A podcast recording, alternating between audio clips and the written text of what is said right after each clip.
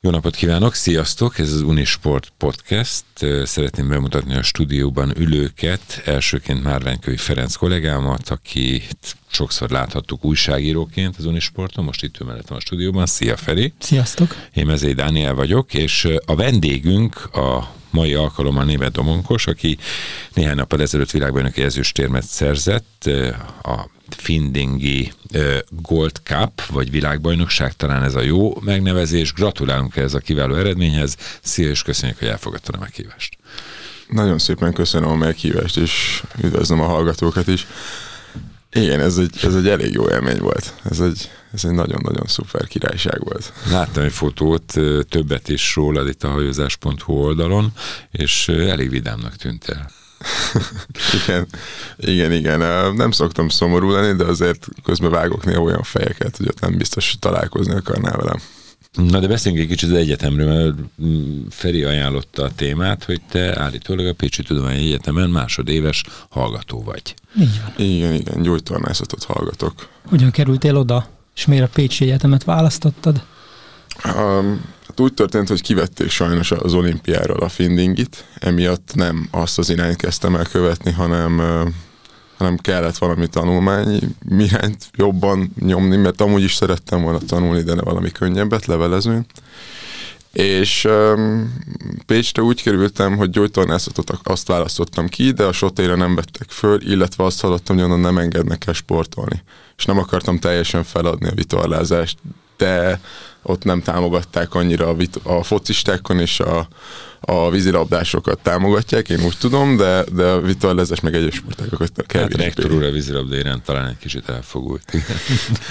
igen, igen, én is ezt hallottam, de, de ettől függetlenül Pécsen vannak rokonaim, és akkor így nagyon ajánlották, és lementem, és nagyon-nagyon rendes emberek vártak ott, és a közösség az nem feltétlenül a sport irányába mozog nagyon, de elengednek sportolni, és büszkék rám, és támogatnak, ami egy jó érzés, egy ilyen.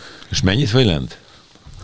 Um, a legtöbb hétvégén feljövök Budapestre, de, de alapvetően így a tanulmányaimat elvégzem, és utána általában. És mennyit vagy suliban?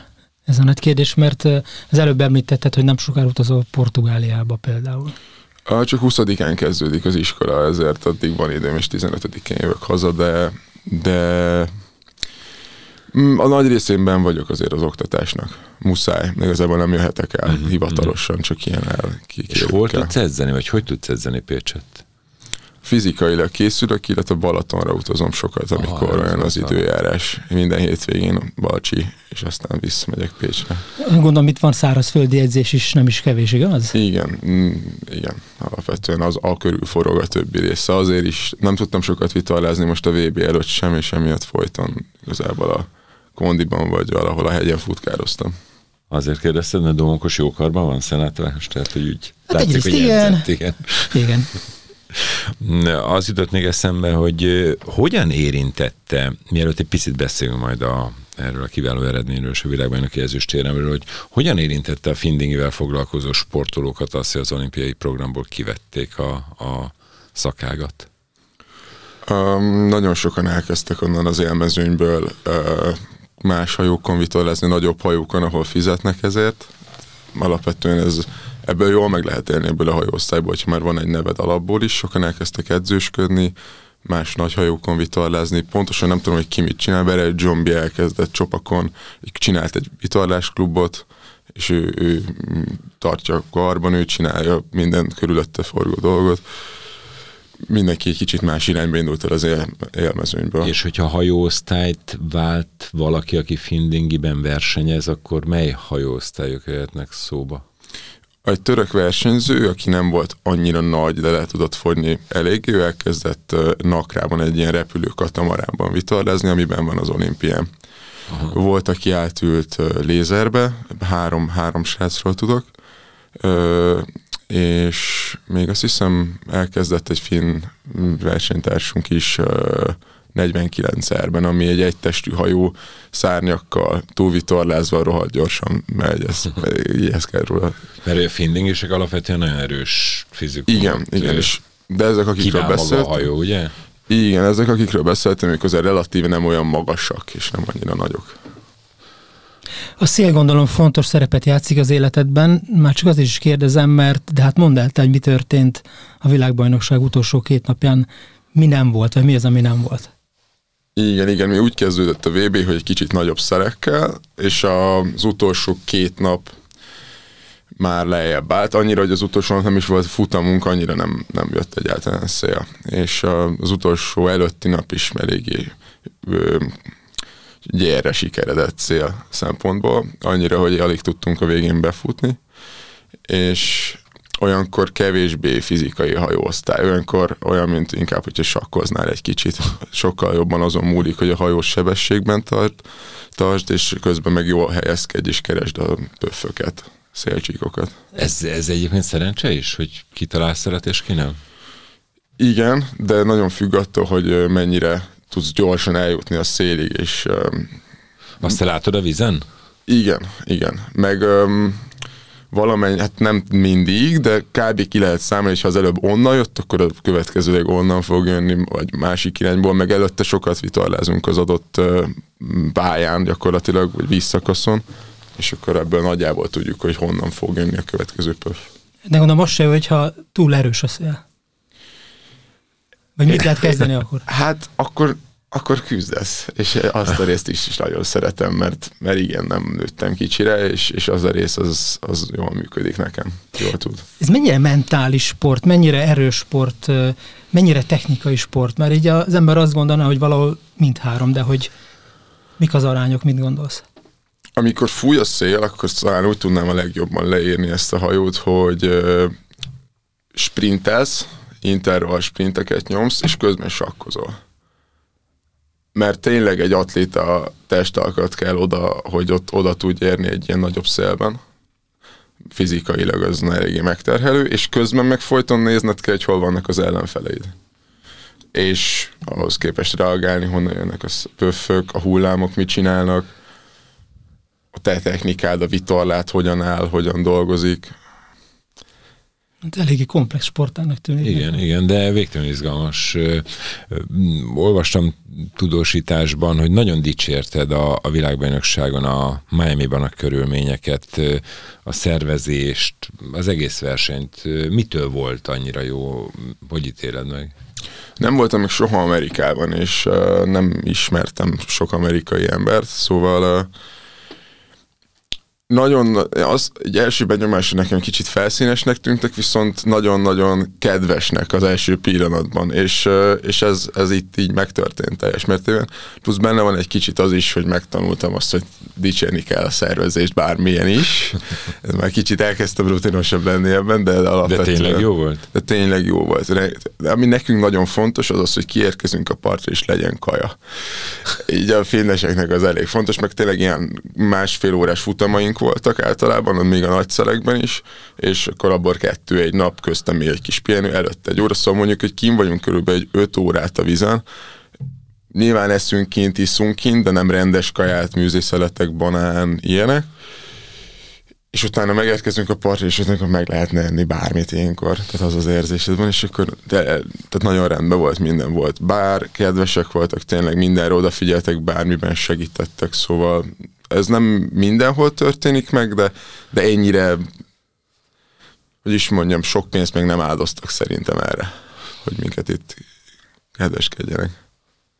Neked mennyire hobbi ez a sport? Azon gondolkodtam, mert akik vízre szállnak, hogy hajót választanak, sokszor azért is választják ezt a sportot, mert hogy szabadságvágyra vágynak, vagy azért, mert egyszerűen úgy érzik, hogy ott kötetlenebből mozoghatnak. Neked ez mennyire szokott eszedbe jutni, amikor hajóra szállsz, hogy most egyedül vagy, nincsenek korlátaid? Nekem mindig egy ilyen a, a, a szabadságérzés az nagyon sokat játszik szerintem is benne. A, a komplexitása a sportnak is nagyon jó, de az, hogy a természetben vagy, és a természet erejére igazából adaptálódsz, bármi történik, bármit csinál, te igazából ő az úr, de te kihasználod az ő adottságait, érzékeidet, kihasználod arra, hogy minél gyorsabban haladj. És nekem ez inkább éles forma talán, mint csak simán hobbi, mert így nőttem föl, és nekem ez volt a normális, illetve én még sieltem, előtte még csináltam sok sportot, de síben versenyeztem. Viszont valahogy ide húzott mindig a szívem, mert nem, nem tudom, a Balatonpart az tényleg az, amit mondta, szabadságérzet és természet lágy ölén, nem tudom. De közben ki vagytok szolgáltatva a természet erőinek, és ennek kapcsán azon gondolkodtam, hogy hol van az a pont, amikor azt mondjátok, vagy azt mondod, hogy nem tudok mit tenni, hogy például túl erős a szél, az én szkíjeim itt most elfogytak, ki vagyok szolgáltatva. Mennyire lehet ráfogni például a természet erőjére azt, hogyha mondjuk nem úgy jön össze egy futam, ahogy te tervezted? Nagyon sokan jók abban a hibáztatásban. Alapvető, alapvetően sok-sok ilyen vitorlázóval találkoztam, és na, játszik persze, hogyha szerencse nincs melletted, akkor nem nagyon tudsz előrébb haladni, de én azt gondolom, hogy hogyha elég sokat csinálod, elég sok tapasztalatod van benne, akkor, e, akkor meg tudod mindig találni azt, azokat a kis kapukat, úgymond, vagy, vagy csak pici métereket, amivel te jobb tudsz lenni, mint a többiek, és el tudod érni a céljaidat, bármit ad is neked a természet. Második helyen zártál Ed Wright mögött, aki most már másodszor vagy harmadszor lett világbajnok, és ebben a kategóriában nagyon erős. Te egy pozíciót előre léptél, ha jól tudom. Mekkora a különbség köztetek? Miben jobb ő? Ő rengeteg tapasztalata van, és igazából kevesebbet hibázott. Minél kevesebbet hibázol, annál előrébb jutsz és, és sokkal konzisztensebb volt, mint én. Én, én szerintem ez volt, az, de főleg a tapasztalata egy nagyobb mezőnyben szerintem. Itt hogy, hogy alakul ki a végeredmény? Tehát hogy, hogy zajlik maga a verseny azok számára, mondjuk el, akik nincsenek annyira otthon a Findingiben? Öt nap alatt tíz futamot szoktak megrendezni, általában ez az ilyen target, és és az a cél, hogy minél kevesebb pontod legyen. Tehát, hogy és minden egyes futamot tehát egy futam az másfél óra, abban a futamban elérsz egy eredményt, és azt a pontot te megkapod. Nyilván, hogyha első leszel, akkor, akkor a legkevesebbet kapod, és mindenki arra megy, hogy minél kevesebb pontja legyen a végén. Aha. Egy darab futamot kiejthetsz, ebből a tízből öt futam után. Ez akkor jó, hogyha mondjuk csinálsz egy korai rajtot, és kapsz egy betűt, ez a diszkvalifikált, vagy UFD, bizonyos betűket kapunk, att, attól függően, hogy mi a hiba, amit vétettünk, vagy miért nem tudtunk befutni, vagy elrajtolni. És, és ezt az egy futamot, vagy bármilyen futamot kiejtettünk, általában ugye a legrosszabbat, és, és azt nyer, akinek a legkevesebb pontja van a végén. Itt azt néztem, hogy a 11 ponttal nyert ugye Ed Wright, te 22 ponttal zártál, és Mikel Fernández Vasco 26 ponttal, tehát ő azért nagyon-nagyon magabiztos volt. Igen, ő, őt nem hezen tudtuk, igazából nem tudtuk megfogni. Egy-két futamban tudtuk igazán megverni, így a, mert hogy tényleg küzdelemben megverni, nem csak valami szerencse folytán valaki beúszott jobbról vagy balról, mert volt egy ilyen futamunk, ahol az egyik oldalon egy amerikai srác nagyon megvert mindenkit, és így nem tudtunk hozzászólni, pedig amúgy azt hiszem hatodikként végzett, szóval nem feltétlenül a sebessége, meg a szkiei voltak vele. ketten az olasz sráccal tudtuk így megközelíteni általában, és akkor meg is verni néha, és ez mm. volt ilyen, de, de tényleg nehéz volt megfogni. Neked van két U23-as VB anyad is ebben a hajóosztályban, és ha már arról beszélgetünk, hogy miben jobb Ed Wright, felmerül az a kérdés is, hogy mennyiben más az U23-as például az utánpótlás korosztály és a felnőtt korosztály, mert általában minden sportákban elég a különbség nálatok, ez hogy van? Mennyivel vagy lemaradva, vagy mennyi kell még, hogy egy igazán jó és eredményes felnőtt versenyző legyél, vagy már az vagy? Én annak gondolom magam most ebben a, ebben a környezetben, ami az most az olimpia... nem csalnak, ugye szokták mondani. Igen, most, a fel, ugye most az olimpia után ez persze felmerül ez a kérdés, hogy most akkor ez mennyire ugyanazt jelenti. Én számomra elég sokat számít az, hogy tényleg nem annyira bonyolult, vagy nem annyira nehéz a mezőny, mint mikor az olimpikonok velünk voltak, mert mondjuk az, hogy a top 25 versenyző kiült. Tehát az, ezt hozzá kell tenni, hogy azért most itt jóval több a az ilyen masters kategóriát, tehát a 40 év fölötti emberek, akik idősebbek, mert ők a szeretetből csinálják, nem a, a pénzért, meg a sportért, meg uh-huh. a mhm. támogatókért. akik olimpiára készültek neki, ők ebből éltek, nem csináltak más, csak vitorláztak. És mondjuk azt, hogy reálisan, én magamat egy olimpiai mezőnyben én most ilyen 20-20 és 25 közé tenném, és néha kicsit előrébb tudnék, de én még nem tenném magamat top 10-esre egy előre. Mivel, hogy én sem edzem már annyit, mint akkor, amikor olimpiai hajóosztály volt. Ezt hozzá kell tenni, hogy nem vitorlázom sokat, őszintén, de, de amikor jön egy verseny, akkor előtte minél többet, és akkor felkészülök, de én is most már csak így kvázi fenntartom meg valamennyit fejben fejlődök, de sajnos már nem éri meg annyit vitorlázni, mert vannak fontosabb dolgok is sajnos. És itt vissza is térhetünk az egyetemre, hogy te hogy képzeled a jövődet, hogy gyógytestnevelő leszel, vagy eh, mi az, amit úgy, úgy látsz, hogy mi az, amiben dolgozni szeretnél? Nagyon jó kérdés, mert most uh, ugyanezt hallgatom Pécsen a gyógytornászatot, de nem, nem őszintén nem akarom, nem tudom elképzelni magamat egy szobában azt, hogy azt mondom, hogy akkor a páciens sem csinálja ezt, meg azt, meg azt, hogy én ez kevésbé. De érdekel a szakma, érdekel a, a test annyira, hogy, hogy ezt megtanuljam rendesen, és utána vagy csinálok valamilyen mestert, legfőképpen külföldön szeretnék, de erősen elgondolkoztam azon, hogy a vitorlázással is elkezdjek foglalkozni, de nem baj, ha több lábon állok, azt gondolom. És mit lehet csinálni? Mármint vitorlázással hogyan lehet, eh, hogyan képzeled el akkor, hogyha ha nem a tanulás, vagy nem a, a gyógytornászat lesz a fő célod? A külföldön tudsz nagy hajókon, meg hát tud, igazából verseny, versenyzel, és ezért téged fizetnek. Ez, ez az mhm. alapkoncepció. Pénz, nem is feltétlenül a pénzdíjas verseny, hanem, a, hanem a, igen, a hajó tulaja fizet neked kvázi, hogy te vitorlázz vele. Ez főként kapcsolatokon múlik, mint a legtöbb dolog az életben, és tényleg ez az, ami meg, meghatározza. Például ez most Miami-ban is elég jó barátokra tettem szert, akik már hívnak, hívtak egy-két helyre, ezt meglátjuk, hogy alakul, de alapvetően kapcsolatokon múlik, illetve ha már az ember elég jól vitorlázik, akkor már vannak esély. Részben nekem ez volt a finner is alapvetően a tervem, nem örökre olimpiázni akartam, hanem mm. sok kapcsolatot szerezni, és megnézni, mit lehet csinálni aztán később. Hát fiatal vagy még, sok mindent hozhat a jövő. Minden esetre nagyon szépen köszönjük, hogy eljöttél, és sok sikert kívánunk. Sok sikert kívánunk. Köszönöm szépen. Márványi Ferencet és Mezé Dániát hallottátok, valamint köszönjük még egyszer a vendégünknek, a világbajnoki ezüstérmes német Domonkosnak, hogy itt volt velünk, a Pécsi Tudományi Egyetem hallgatójának, az Unisport podcastet hallottátok. Sziasztok!